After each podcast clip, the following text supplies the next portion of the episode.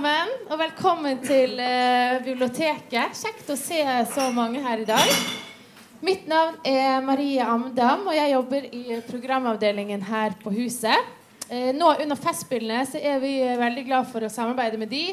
Eh, vi har nemlig hele debatt- og samtaleprogrammet her hos oss. Og i dag så er vi altså her for å snakke om forestillingen 'Nav betaler'. Eh, sikkert noen av dere som har sett den eh, allerede. Noen som ikke har sett den, og som kanskje er litt nysgjerrig på hva dette handler om. Eh, forestillingen har premiere nå under Festspillene, og det er en samarbeidsproduksjon med Bergen Borgerscene og DNS. Eh, og alle her kjenner vel igjen dette her med når man er på fest, og folk spør ja, hva er det du gjør da? Og man svarer det man uh, holder på med og jobber med. fordi at i vårt samfunn så er det jo sånn at uh, vi, vi, knytter veldig mye identitet til jobben vår. Uh, og det er jo veldig lett hvis man har en jobb. men hva er det, hvordan er det da når man ikke har dette å knytte identiteten sin til? Og hvordan opplever man da når man står utenfor? med oss her i dag så har vi rett og slett regissør og manusforfatter Vibeke Flesland Havre. I tillegg har vi også de medvirkende skuespillene Johanne Magnus og Vegard Sandnes Larsen, som er med i forestillingen. Eh, jeg tenkte først eh, til deg, Vibeke. Du, jo, du, lager jo teater med ekte, ekte Mer ekte enn skuespillere. Ekte mennesker. Mennesker som ikke er skuespillere i utgangspunktet. Hva er det som har fått deg til å gjøre det? Det er vel et ønske om en ekthet. Så Vi kaller jo ikke dere for skuespillere, men vi har kalt dere for historiefortellere.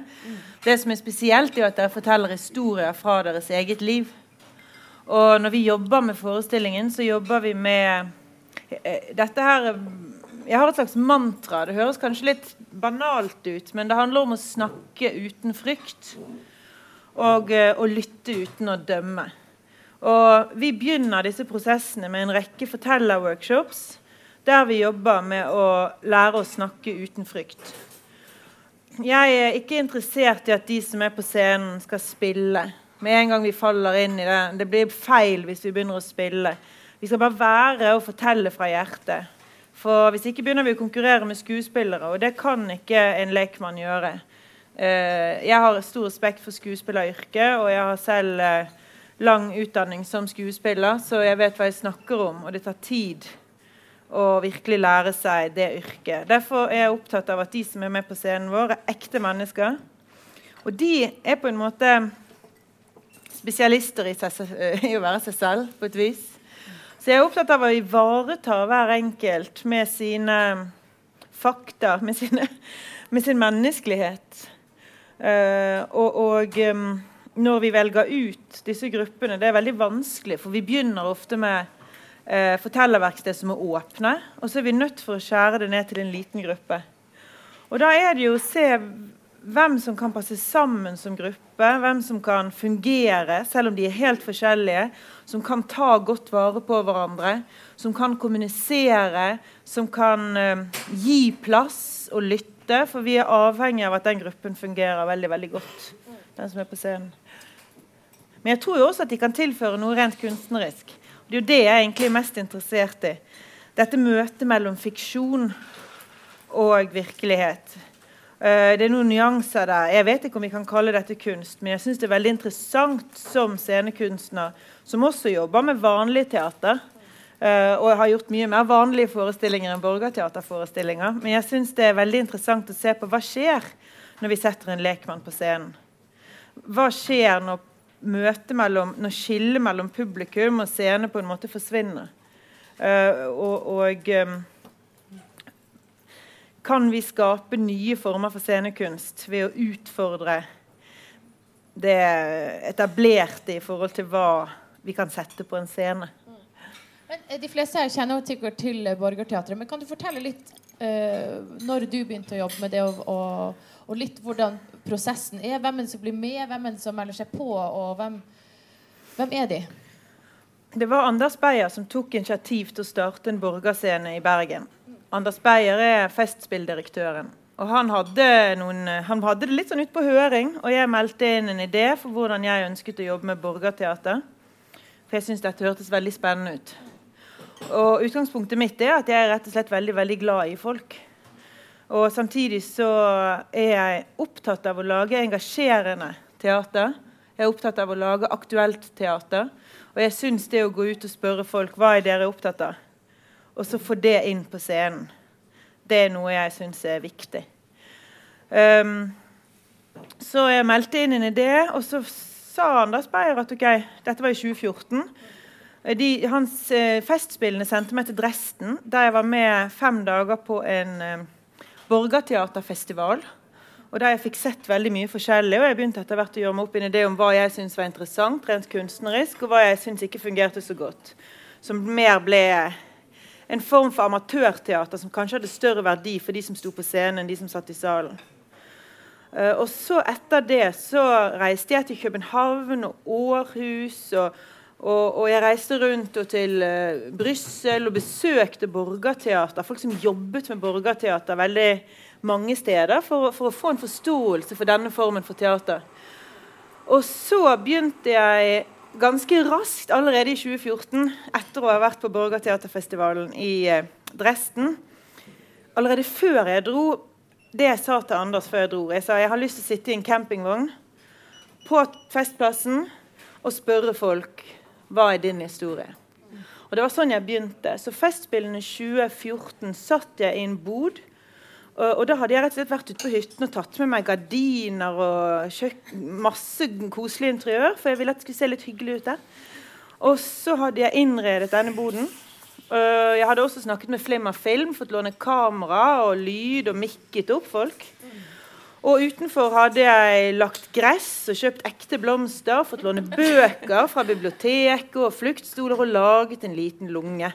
Et sted der vi kunne fortelle historier og lytte. For jeg tror vi trenger å skape rom der vi kan lytte til hverandres historie. Jeg tror det er helt um, grunnleggende i samfunnet at vi begynner å lytte til hverandre. Og Spesielt et samfunn i endring som er stadig, Før hadde vi et litt mer homogent samfunn. Nå er det mer heterogent i den grad at det kommer mennesker fra andre deler av verden. Og, og, og vi blir en stadig mer heterogen gruppe. Og jeg tror det er veldig viktig at vi lytter til hverandres historier, og at vi skaper rom der vi kan fortelle historier. Det var litt av utgangspunktet. Så etter å ha sittet der I én uke satt jeg der fra tolv til syv hver dag. Først kunne folk begynne utenfor å fortelle. Hvis de ville, så fikk de være med inn. Og da sa jeg at nå blir du mikket opp. Her er det kamera. Så begynte jeg å samle historier. Og det eneste utgangspunktet mitt det var hva er din historie? For alle har en historie.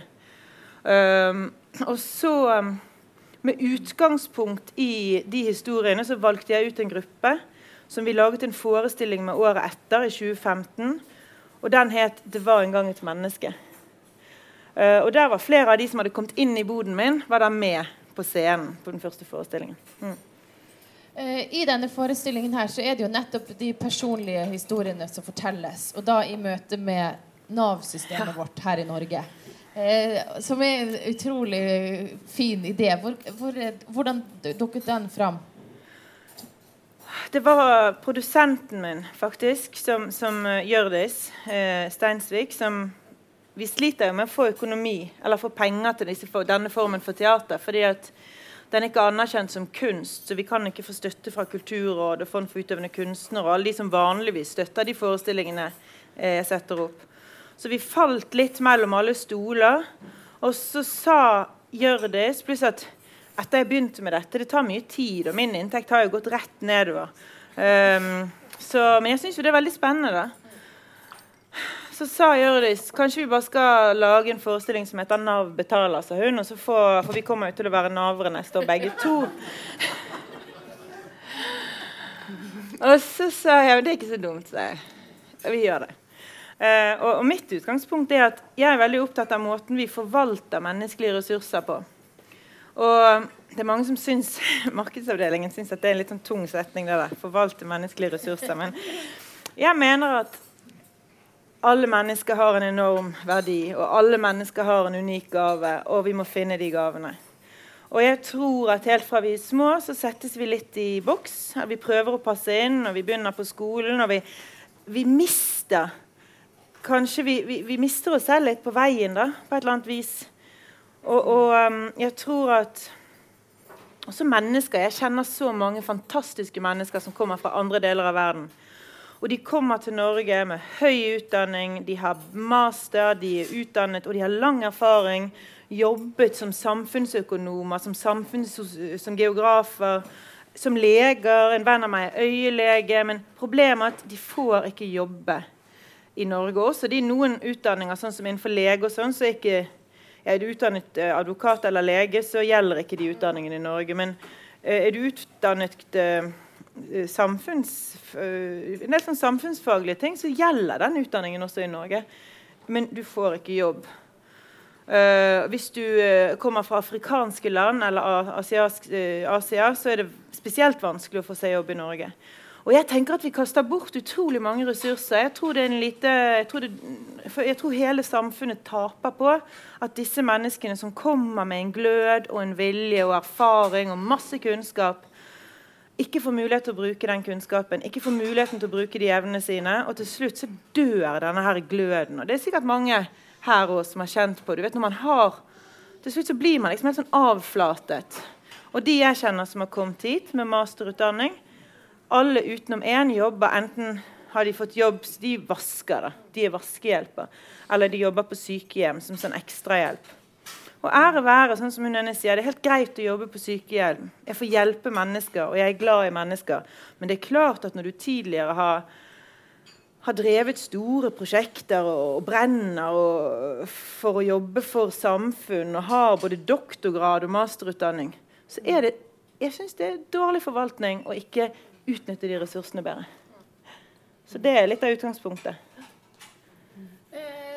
Eh, over til eh, dere, som faktisk er med i forestillingen. Eh, vil dere fortelle litt om hvorfor dere valgte å bli med? Valgte å melde dere på? Eh, ja. Eh, det var litt forskjellig. Bl.a. at jeg hadde mye egen erfaring med å være i Nav-systemet. Så jeg hadde, følte jeg hadde mye ideer og jeg hadde lyst til å bidra. Og jeg syns det er et veldig viktig prosjekt eh, og løfte fram noe som kanskje man ikke snakker så høyt om. da, Og så løfte det inn på en scene. Det syns jeg høres ganske fantastisk ut. Og, og, i tillegg at det skulle bli satt, satt, inn i en ramme som teater. da, Altså kunstnerisk. Eh, syns jeg var veldig spennende, da, dette her som Vibeke sier med fiksjon og eh, virkelig. da. For det har jeg aldri gjort før. Sant? Jeg har jobbet med kunst, og jeg har jobbet med, eh, med ja, eh, samfunnsdebattant. Men å liksom koble de to sammen, da, det syntes jeg var veldig spennende.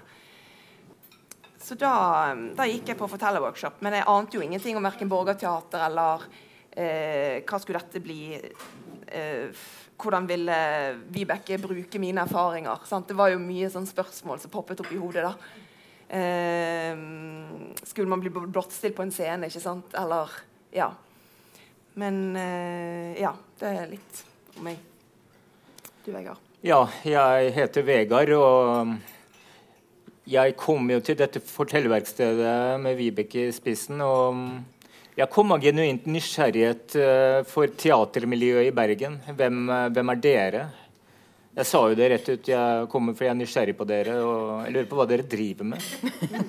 Så jeg, jeg har vært borti mye Litt grann amatørteater, det er det eneste. Og dans og mye forskjellig.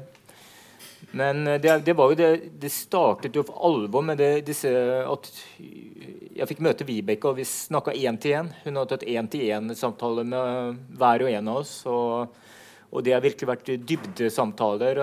Jeg følte at vi fikk dykket uh, dypt og raskt, og vi kom fram til noe som var essensielt for eh, et kunstverk eller et teaterstykke. Vi, vi, diskuterte mye, og vi diskuterte alvorlige spørsmål også.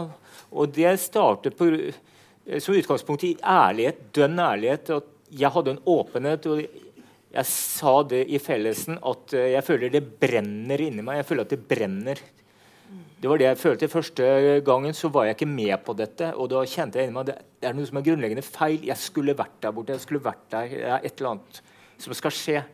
Og Jeg bare kjente en sånn brann inni meg. Og det, Og det ble jeg til i den, eh, det møtet med Vibeke. Det var ganske spesielt, for Vibeke er ikke hvem som helst. Er, du er et menneske som ikke gror på trær. Det er, uh, du, du, er ganske wild uh, life. Du, var, du drev på sirkusskole i Texas, og du, ja, du deler dine ting. Sånt, og det, Nei, men det var et sånt veldig sterkt menneskemøte, og det begynte der. Og så gikk det videre. Vi merket jo ganske kjapt at dette handlet jo ikke bare om det å være i Nav-systemet eller være utenfor arbeid eh, eller utenfor samfunnet eller Ja, det er mange begrep. Men jeg eh, merket jo etter hvert veldig fort at dette prosjektet dreide seg om mye mer. altså det dreier seg også om å fortelle historien hva det vil si å være et menneske. altså De svære spørsmål. Mm. Og Det, det syns jeg er kjempespennende og viktig. Vi har sånn forskjellige spørsmål på alle fortellerverkstedene. Ja, liksom, ja. Hva er meningen med livet? Det var sånn, jeg bare, herregud, liksom. Ja, det var ikke lite. Sånn, så vi fikk, ja, fikk mye sånne eksistensielle spørsmål til å tenke gjennom. Så vi har jo lært veldig mye om oss sjøl, Vi begynte helt ned, og så bygget vi det liksom opp. Ja. Og til slutt kom vi til dette store spørsmålet, men da måtte vi bare le. Så tok vi det ned igjen. Men altså, en ting, altså det der Du forteller at du har hatt et sterkt møte da, med Vibeke. ikke sant? At mm. dere deler en personlig erfaring med hverandre. Eh, og det er jo én til én. Og det er jo godt å ha de sterke møtene der. Men én mm. ting er jo da løfte det fram og putte det på en scene. For da, det må ha vært kjempeskummelt. Eller var dere helt sånn klar for det å eh, Nei, men der jo, har jo Vibeke vært solid, da. Fordi Um, for min del da, så er det noe med at jeg har gitt Vibeke full tillit for å kunne gå inn i dette arbeidet. Og vi har jobbet veldig mye med å bli trygg. Og det har hjulpet også at gruppen har minket.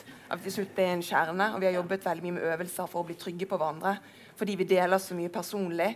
Og fordi man nettopp skal ja, til slutt ha et svært publikum. Um, så vi har jobbet veldig mye med det. Men det har jo vært kjempeskummelt. Men uh, Ja, for da var det på premieren og sånn? Var det ja, jeg, jeg, Husker du det? Ja, jeg sier jeg, jeg, jeg var så lettet. Det var liksom én ting som sto Bare ikke skuff Vibeke på premieren. Det er liksom det er one goal. Ikke skuff Vibeke på premieren. Når det målstreken er gjort, så er ah. Men da ble vi bestevenner. Da ble jeg kjent med alle i gruppa. Da var vi som søsken. Når vi kom ut på andre siden og inn på bakrommet, da var vi som søsken alle sammen. Det var akkurat som vi plutselig var vi kjente for hverandre. Vi var ikke ukjente medspillere. Vi var ordentlig i en enhet. Også. Da, da var det klemmer og masse kjærlighet. Også. Jeg tror alle hadde vært så dritnervøse sammen. Ja. At det bare skapte en sånn samhold av en annen dimensjon. Ja. Det er, litt, det er, jo litt banalt å si det, men av og til jeg følt at Nav betaler handler mye om kjærlighet. Og den kampen, en sånn fight om kjærlighet og utenforskap og kjærlighet og utenforskap. En sånn at det handler om store ting også. Men, jeg tror jo at alle de forestillingene jeg har laget, har jo i stor grad handlet om utenforskap. På den ene eller annen måte. Um, og det var en som, Vi har jo sånn etters, ettersnakk hver dag i en lavvo utenfor DNS. Eh, der vi inviterer publikum til å være med og så få vite litt mer om de aktørene hvis de har noen spørsmål. Og de får også lov til å ha vi samtaler der vi tar utgangspunkt i temaene som har vært på scenen. Og det var En som sa at det var så fint, for han, liksom, han har alltid trodd at han, han har aldri egentlig vært innafor innenfor boksen. Han har aldri passet helt inn. Men etter å ha sett den forestillingen så følte han at kanskje det rommet utenfor egentlig var et ganske greit sted å være. Og Jeg tror vi skal, jeg har bare lyst til å åpne, åpne. For jeg tror at hvis vi åpner litt opp, så blir livet større for alle. på et eller annet vis. Ikke det at mitt liv er så stort, men jeg tror det der å, å liksom åpne opp og ikke være redd og se litt på det samfunnet vi lever i Og jeg tror at frykt eh, Frykt er jo det vi må kjempe mot, tenker jeg. Og da må vi snakke om ting. Så er ikke ting så skummelt likevel. Og det å snakke om Jeg hadde jo egentlig tenkt å Jeg kan ikke si hva jeg Vil noen si det? Veldig nysgjerrig nå. Jeg har snakket med en del uteliggere som jeg Ikke uteliggere, tiggere. Som jeg hilser på hver dag. Og jeg hadde egentlig tenkt å bare ha en tigger på scenen en time. Så kunne publikum sitte og se på den. Så kunne de gå hjem. Men det blir neste forestilling. Det blir neste forestilling? Nei, det blir det ikke. Vi har tatt noen samtaler. Det er mange etiske hensyn å ta. Og jeg vil ikke stille noen ut, men eh, jeg ønsker at vi skal se mennesker på nye måter. Og jeg ønsker at vi skal se mennesket bak. Så sånn sett er jo dette, Og så har jeg lyst til å gi folk en stemme. Det er jo det det handler om, å gi folk en stemme. Og sånn sett så er jo dette i, veldig sterk grad et uh, demokratiseringsprosjekt. Og det er et det ivaretar det jeg vil kalle teaterets uh, sosiale og dem demokratiske funksjon. Og vi gir ikke bare en stemme til de som er på scenen, men nå inviterer vi også publikum til å gi, gi de en stemme etterpå. Vi inviterer alle til å være med i samtalen. Uh, og så kan vi snakke om det er kunst. Så kan vi ta den praten etterpå. Um, og det er vel det, det, er den samtalen som interesserer meg mest. Mm. Men er det ikke altså, men tenk på uh, virkelighetslitteratur, uh, som vi prater veldig mye om. ikke sant? For det er ekte fortellinger som vi som forfattere også påpeker er sanne fortellinger. Og det er jo kunst. ikke sant? Knausgårds bøker blir jo kalt kunst. Hva er det som skiller denne forestillingen fra det, da? At, at det er lekmenn på scenen. Du kan si at Hvis jeg hadde tatt dette manuset og fått skuespillere til å framføre det, så hadde det blitt noe annet. Mm. Da hadde vi nok uh, kunne måles på en litt annen måte. Mm. Uh, men det som er interessant, er at jeg har et kunstnerisk team som også er med på fortellerverkstedene. Så når det gjelder scenograf og lysdesigner og lyddesigner og videodesigner, så sitter de og så prøver vi å ta disse historiene og tenke hvordan kan vi gjøre dette om til scenekunst? Hvordan kan vi ta med utgangspunkt i disse historiene og, la, og skape en, visuell, en visualitet? da, eh, så lyd og lys og musikk Alt er hentet fra de historiene. Så i år har vi valgt western som sjanger. Det er første gang jeg har en sjanger. Og det er fordi at, eh, sånn som Theo som var med han, så Hadde det ikke vært for Nav, så hadde dette vært som USA. Da hadde det vært i Ville Vesten. Og så tenkte jeg ja, for jeg elsker westernfilmer. Vi kjører Ville Vesten, tenkte jeg. Og så har jeg veldig lyst til at vi skal ha leken tilbake, for vi snakker mye om fantasi. Vi snakker mye om kreativitet. Og at det er kanskje ting vi mister litt i møte med virkeligheten og skolesystemet. For Nav er jo bare et system i et system i et system. Og, og, først zoomet vi inn, men så har vi også zoomet ut og sett nettopp på systemet i systemet i systemet. Og så ser vi at denne leken den mister vi litt. Og den har jeg veldig lyst til å få inn. Også fordi at vi trenger Derfor har vi litt sånn pistolføring. Og på premieren så var nok alle litt nervøse. og eh, hver forestilling er forskjellig, og etter hvert nå så ser jeg at leken kommer mer og mer fram. At det blir mer og mer humor, at publikum får rom til å le og puste. Og, ja. Hvordan, eh, har det vært for, hva tenker du har vært liksom de største utfordringene med å, å, fortelle sin egen historie? Er det noe som du har eh, Har du hatt noen kvaler? Noe du har tenkt 'dette kan jeg ikke fortelle', eller 'dette kan jeg ikke si noe om på en scene'? eller... Uh, ja, det har jeg tenkt uh, masse. Uh, men etter hvert så forsto jeg at jeg måtte legge vekk den der sensureringen. da. Fordi og til slutt så ble jeg også veldig trygg på gruppen. Så da um, valgte jeg å bare si alt. Og så um, fikk vi den tryggheten fra Vibeke at hvis det er noe vi ikke er komfortable med å si på den scenen, så, skal, så kan vi ta det vekk. Men at vi måtte ikke sensurere oss, for det, det stopper jo på en måte noe av det som, fine som kan komme ut. da. Men, øh, også, men, samtidig, selv om dette er altså, ekte mennesker og det er vår historie, så er det noe med at jeg har kjent på at eh, altså hele teamet rundt som hun sier, det er proft. Og det er en trygghet at alt er så proft rundt oss. Uh, men også at vi står på en scene, og det er jo en iscenesettelse. Altså, det er jo meg sjøl som står der, og mine egne ord og min historie. Men samtidig det er en iscenesettelse, og det er et slags filter. Sant? Det er innøvd. Og det er en slags sånn beskyttelse. Det publikum vet til slutt hva som Eller de vet ikke til slutt hva som er 100 mitt liv, og hva som er tilført i Altså, skjønner du? Um, uh, ja, hva som er fiksjon, og hva som er virkelig, på en måte. Hva som uh, uh, Men den kontrollen har jo ikke jeg, da, hva publikum oppfatter. Men Men samtidig så er det noe med at historien er så viktig at den vil jeg fortelle.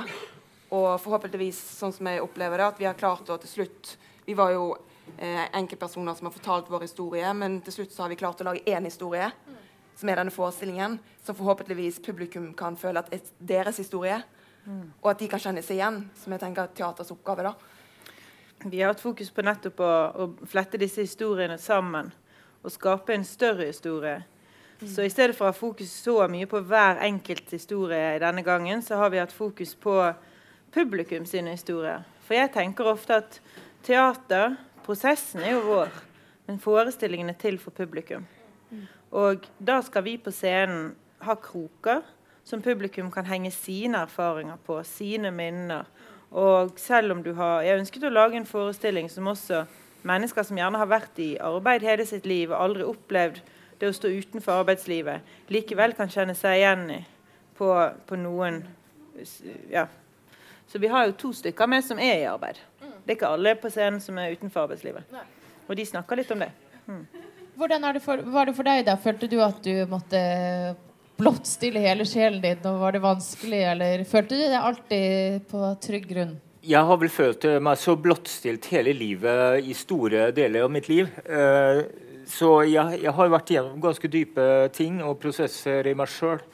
Og noe Vibeke sa til meg eh, Det er så deilig å jobbe med deg fordi du er så avklart. Og det er større kompliment kan man ikke få uh, når man har vært gjennom en god del ting. Og det er jeg veldig glad for å høre. Og jeg, og jeg har ikke noe bitter i, livet mitt. Jeg, har ikke noe, um, jeg utgir ikke noen ved navn. Noen som har integrert kjennskap i, til mitt liv, vil kanskje kjenne igjen uh, partier hvis de kommer og ser stykket.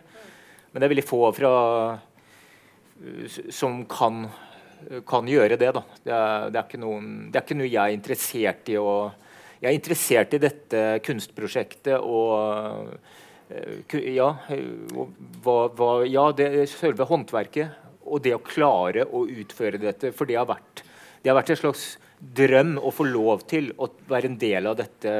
For det å møte disse menneskene og teatret og disse profesjonelle rundt Vibeke, hennes team og, ja, Det er en enestående erfaring. Jeg vil ta det med meg resten av livet mitt. Det er liksom once in a lifetime experience. Mm, det er stort. Men jeg har tenkt på det da, i forhold til uh, det jeg sier, at det er jo min historie, men samtidig min historie berører jo andre, da.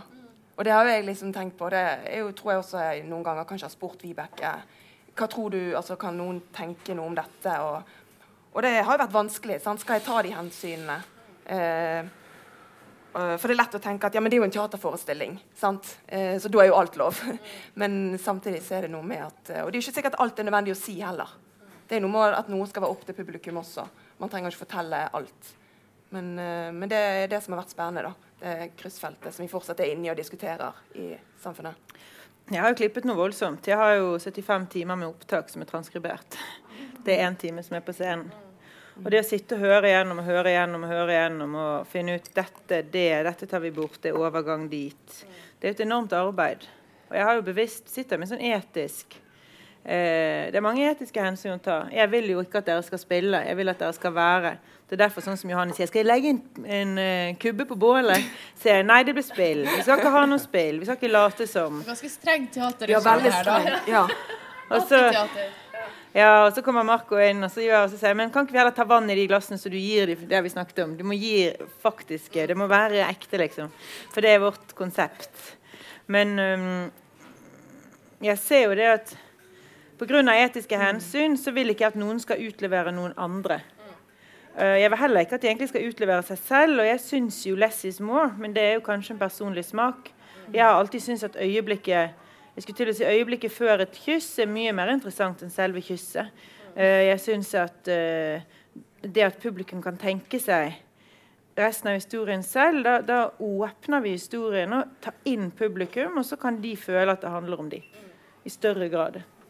Mm. Det, det, det, er jo noe jeg syns fortsatt eh, er spennende med forestillingen, som er forskjellig fra dag til dag. Eller det er små ting som endrer seg fordi publikum er annerledes. og sånne ting. Men uh, fordi vi står jo på en scene, og så skal ikke vi spille. Og jeg har drevet litt med teater før, og da sånn, så jeg har ikke drevet med denne. Så det, og det, men det er veldig spennende. da, altså Når spiller man ikke Det er jo innøvd, men ja, du skal Uh, og det er jo vanskelig, da. Liksom, uh, du vet hva du skal si, men du skal si det som Ja, nei, det Kjempevanskelig. Det er dritvanskelig. og egentlig så mener jeg at bare man setter noe på en scene, så er det, ja, så er det jo spill. Da, jeg mener, vi har sagt det, det er jo en teaterforestilling, men så, vi spiller ikke, da. Så. Men jeg er ganske sånn jeg, og jeg er jo veldig frekk, da. Ja, uh, så jeg sier i det klar melding når folk spiller Hva var det jeg sa til deg en gang? til meg. Ja, du høres ut som en prest, Vegard. Slutt. Ja, ja, det sa du. Men det klarte jeg å ta som en kompliment også, for det ja. ja men det, det, er, det er jo sånn jeg, Noen ganger tar jeg det som kompliment. Jeg, jeg hører jo disse mellomtonene og sånn. Og det, det der 'kill you darling'-prinsippet i den kunsten du lager, det, det er spennende også. Den der 'kill you darling', det er sånn Det er grunnen til at jeg ikke har noe kunst, darling. Jeg har kill them all. Ja, ikke sant? Det er så genialt. Rett og slett. Men hvordan er det for dere nå å stå på scenen kveld etter kveld, da? Uh, nei, jeg må jo innrømme at uh, det, jeg har ikke hatt det så travelt på veldig lenge, da. Så jeg har jo kastet meg inn i noe.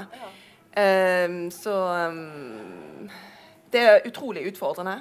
Men eh, jeg har jo så gode folk rundt meg som jeg kjenner så godt, og som på en måte vet om mine utfordringer. Og, men, eh, og nå har vi spilt noen forestillinger, og det er jo dritgøy. da. Det er jo et kick å stå på den scenen. Og uh, Ja, nei, jeg eh, er jo kjempetakknemlig da, over denne muligheten. Så uh, Ja, og nå er vi utsolgt et par for kvelder, og, så det er jo uh, Ja.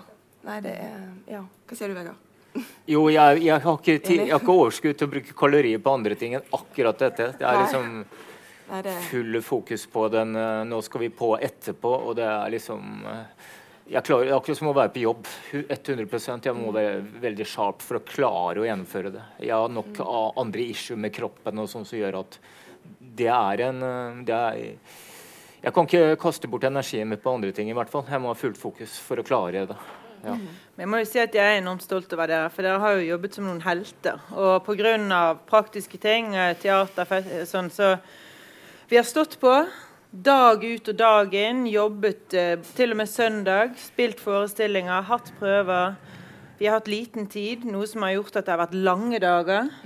Eh, vi hadde alt av lyd og lys på én dag. Jeg vet ikke hvor mange timer dere satt på scenen den dagen. Eh, jeg er enormt imponert over det arbeidet dere har lagt ned. Samtidig som jeg blir provosert fordi at en del av de menneskene som jeg har med på scenen, er jo mennesker som har fått ufør i passet, og som, har, som har fått beskjed om at de er 100 ufør. Og, og jeg ser jo at dette er mennesker med enorme ressurser. Enorme ressurser. Og da tenker jeg, akkurat sånn som jeg sa tidligere Og det som er utgangspunktet litt av mitt for å lage denne forestillingen, kunne vi ikke forvaltet disse ressursene bedre? Og jeg ser at det å Sånn som uh, Trond, som sitter her borte, sier i forestillingen det, det, det er ikke lønnsomt for bedriftene å, å tilrettelegge. Tilrettelegging koster penger. Og, og, og det forstår jeg. Og, men jeg tenker at kunne vi på et eller annet vis gjort om på systemet vi har i dag, sånn at det ble lettere at bedrifter eventuelt kunne fått støtte til å i større grad fått støtte til å tilrettelegge, sånn at ikke folk blir sittende hjemme. For det som skjer når du blir sittende hjemme, når du sitter utenfor arbeidslivet, det er jo at du, blir, du mister fellesskap, og du mister selvtillit. Og du begynner etter hvert å føle deg veldig utenfor det gode selskap. Og man begynner å miste selvtillit. Og så begynner det etter hvert, eh, sånn som en av de som er med, sier, å gå på psyken løs. Og jeg har snakket med veldig mange arbeidsledige i forbindelse med denne produksjonen. Og samtlige har opplevd en depresjon etter å ha vært arbeidsledig over tid. Og når du da kommer inn i det landskapet som heter depresjon, så følges ofte depresjon av angst, og så får du sosial angst, og selvtilliten blir stadig lavere. Du søker og søker, men du får ikke nødvendigvis jobb. Og det gjør jo noe med en. sant? Og, og, og da sliter du virkelig. Når du har vært utenfor arbeidslivet en stund, så har du gjerne blitt ufør fordi du har mistet all tro på egen evne. Og, og, og, det er jo noe som jeg ønsker å sette fokus på. Eh, Jeg kjenner flere som pga. at de har en som er døv, eller hun er, har nedsatt hørsel, en som sitter i rullestol, og dette er folk jeg kjenner godt, de får ikke jobb. at det er ikke, Da må det tilrettelegges. Kanskje det bare er en trapp som skal til, eller en heis. Jeg mener Forestillingen vår, lille scene på DNS, kan du ikke komme til hvis du trenger rullestol. For det er ikke heis dit. Det er et gammelt hus, da, så det er greit nok. Men det å tilrettelegge for at mennesker som har behov for tilrettelegging, også kan få være en del av uh, fellesskapet, arbeidsfellesskapet, også kan få bidra. Det tror jeg er viktig. Og jeg ser jo også Jeg har aldri møtt Og jeg har gått så mye ut. Jeg har gjort en enorm research. Alt fra å lese meg opp på Nav, noe jeg brukte ekstremt mye tid på. Eh, og, og, og eh, prøvd å ringe til de for å stille spørsmål, men jeg kom aldri fram. Eh, og, og, også dette med å lese meg opp på all slags saker som har stått i media om Nav. Og så har jeg lest alt fra prosessen av Kafka og, og, og, alle disse bøker eller få skuespill som jeg tenker kunne være relevant i forhold til dette med systemet og, og forvandlingen som handler også om en som har veldig lyst til å jobbe, men som blir et insekt. Tenk, kan vi bruke det? Hvilken vinkling skal vi ha?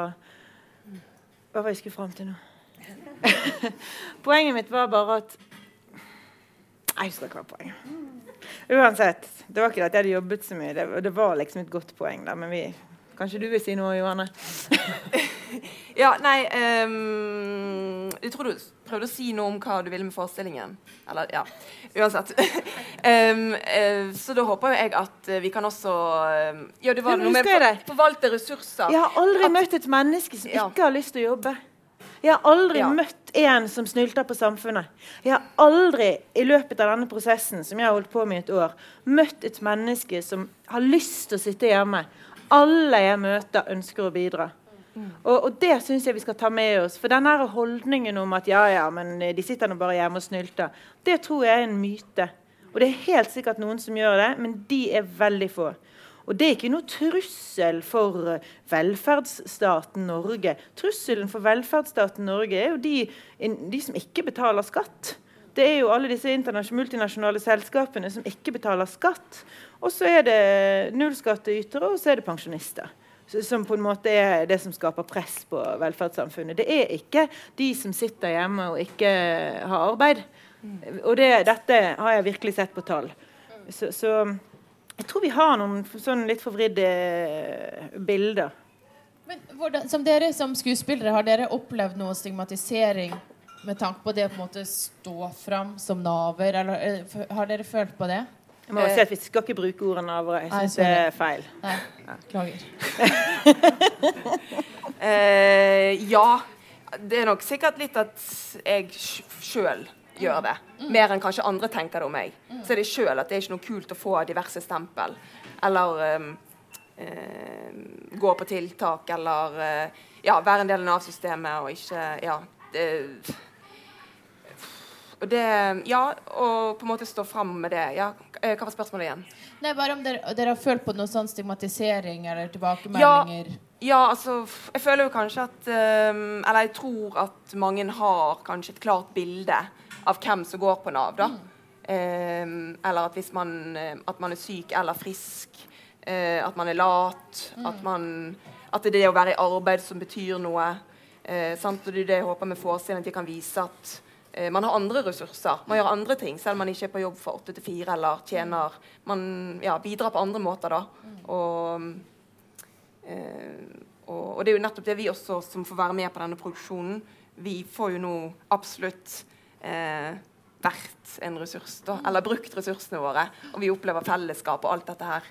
Um, ja, Dere får vist frem en annen fortelling ikke sant? og får løftet opp. Ja, men også er det jo helt vanvittig mange som er i Nav-systemet. Og nå er det jo, altså det øker jo stadig hvor mange unge uføre. Mm. Så det er jo snakk om en enorm gruppe. Og det er jo helt eh, katastrofalt å skulle kalle den en så stor gruppe i samfunnet for undersnultre, eller at de ikke har ressurser, eller De har jo det. Mm. Så det er jo eh, eh, Ja. Så det håper jeg vi klarer å velte litt om på da, med denne forskningen.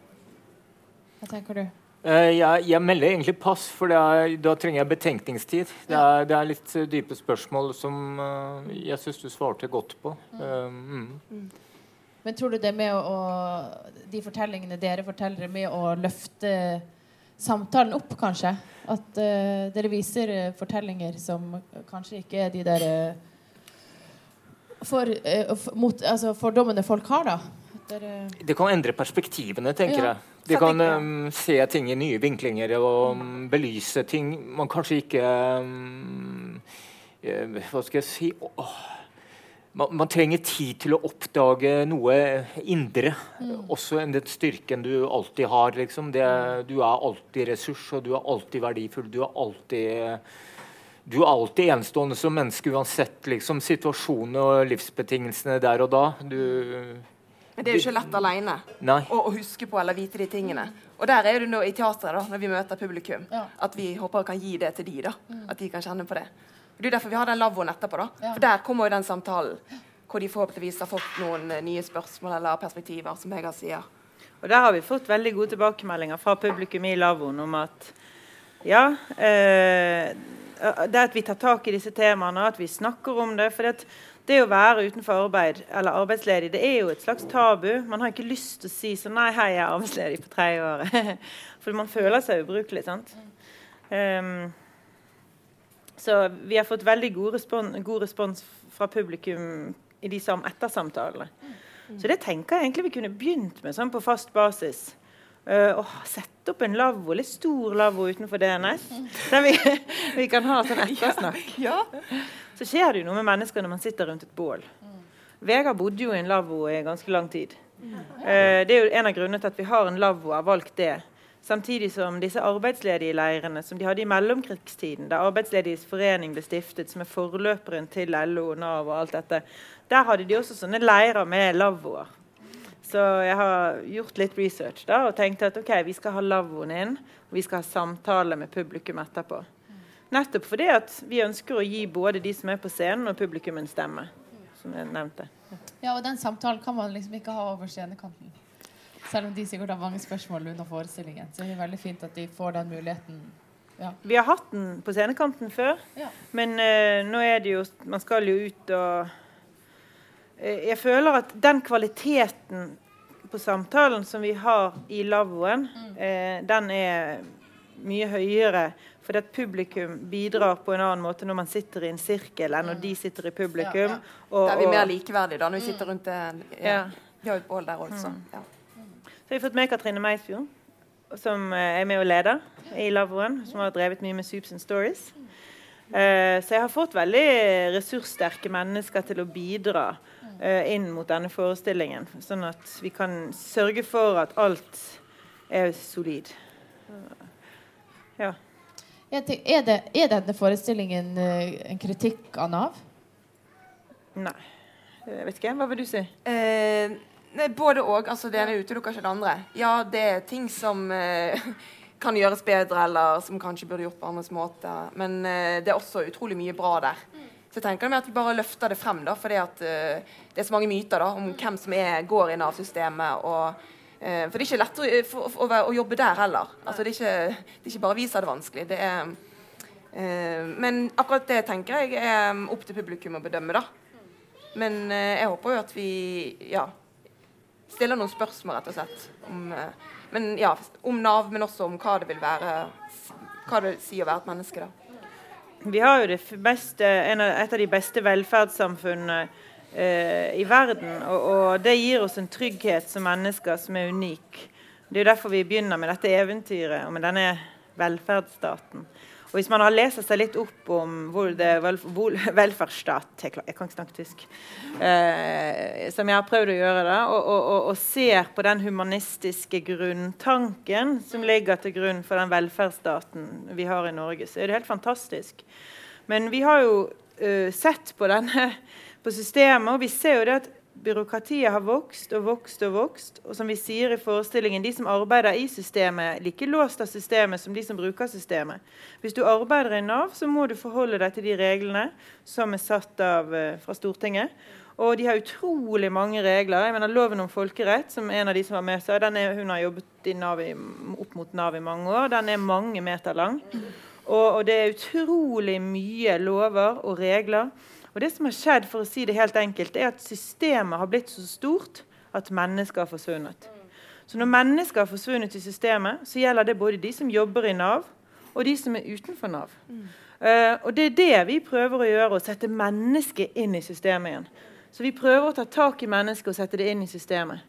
Og, og, og, jeg ønsket jo veldig sterkt å ha med noen som arbeidet i Nav i forestillingen, men det var veldig vanskelig å få til. Men vi har hatt noen gode ressurspersoner med på reisen.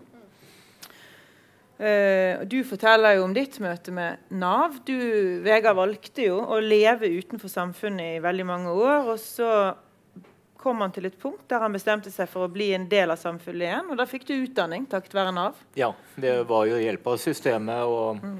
Det har virkelig føle, føle, seg totalt havarert uh, som menneske, også psykisk og ja, og alt. Og, og da å kunne si hands up at jeg har funnet en kanskje nåden i meg sjøl at jeg må be om hjelp. At hvis ikke så er This is a point of no return. Jeg, mm.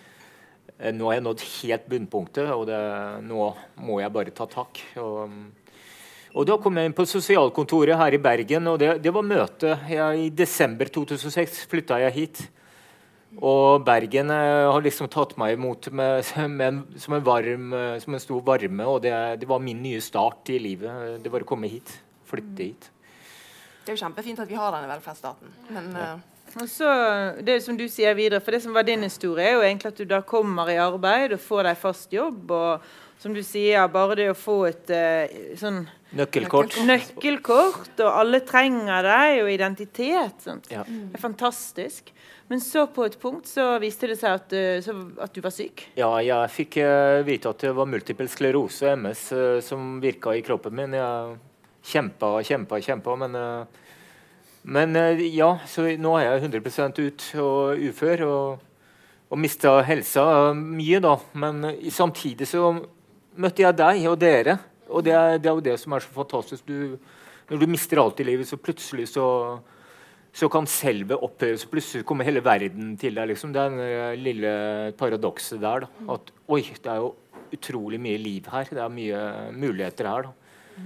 Så liksom det er en åpning. Det er en sånn motsatt det, det, uansett, paradoks. Uansett hvilken begrensning man har, eller sykdom, så man, man kan gjøre noe. Altså, man har jo noen ressurser man kan Og det er jo det Vibeke gjør. da, Hun løfter frem andre, altså løfter oss frem så vi kan ja, få bidra med det vi kan. Mm. Og Du fikk også utdanning gjennom hjelp gjennom av Nav. Du fikk ta utdanningen din på dobbelt så lang tid. Ja, takket være Nav, ja. Så det er jo veldig takknemlig Og Det er også med i forestillingen. Men mm. vi ser jo også, vi snakker om dette med midlertidighet.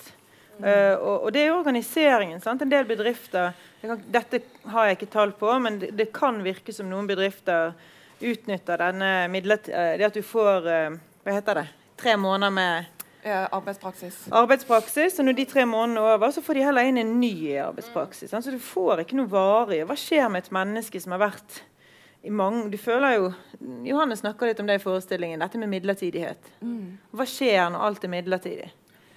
Og, og, og, um, så vi ser jo Vi tar personlige vinklinger uten å si noe om eh, Det er ikke noe sånn direkte kritikk av Nav-systemet, men vi jo, det, Guro sier det i forestillingen at jeg, tek, sier, jeg tar systemet såpass seriøst at jeg har lov til å være kritisk til det.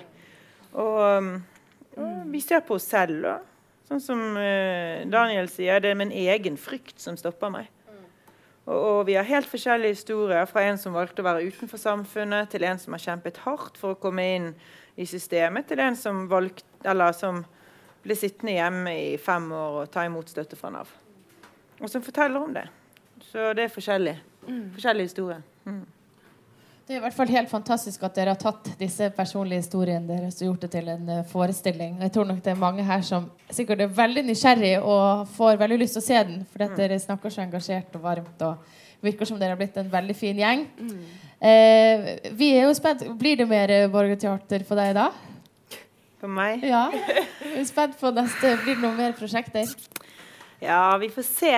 Vi får se. Det er mange Uh, jeg syns jo det er utrolig givende, men det er klart at uh, Det er jo ikke noe man blir rik av. Det er enormt tidkrevende. Mm. Og, og, jeg tror at hvis uh, man skal fortsette med borgerteater, så for min del så må det integreres. Eh, dette er jo en fantastisk samproduksjon med DNS. Og ære være, vi får scene, sal, teknisk utstyr og alle verkstedene på teateret. De har laget scenografi og stått på.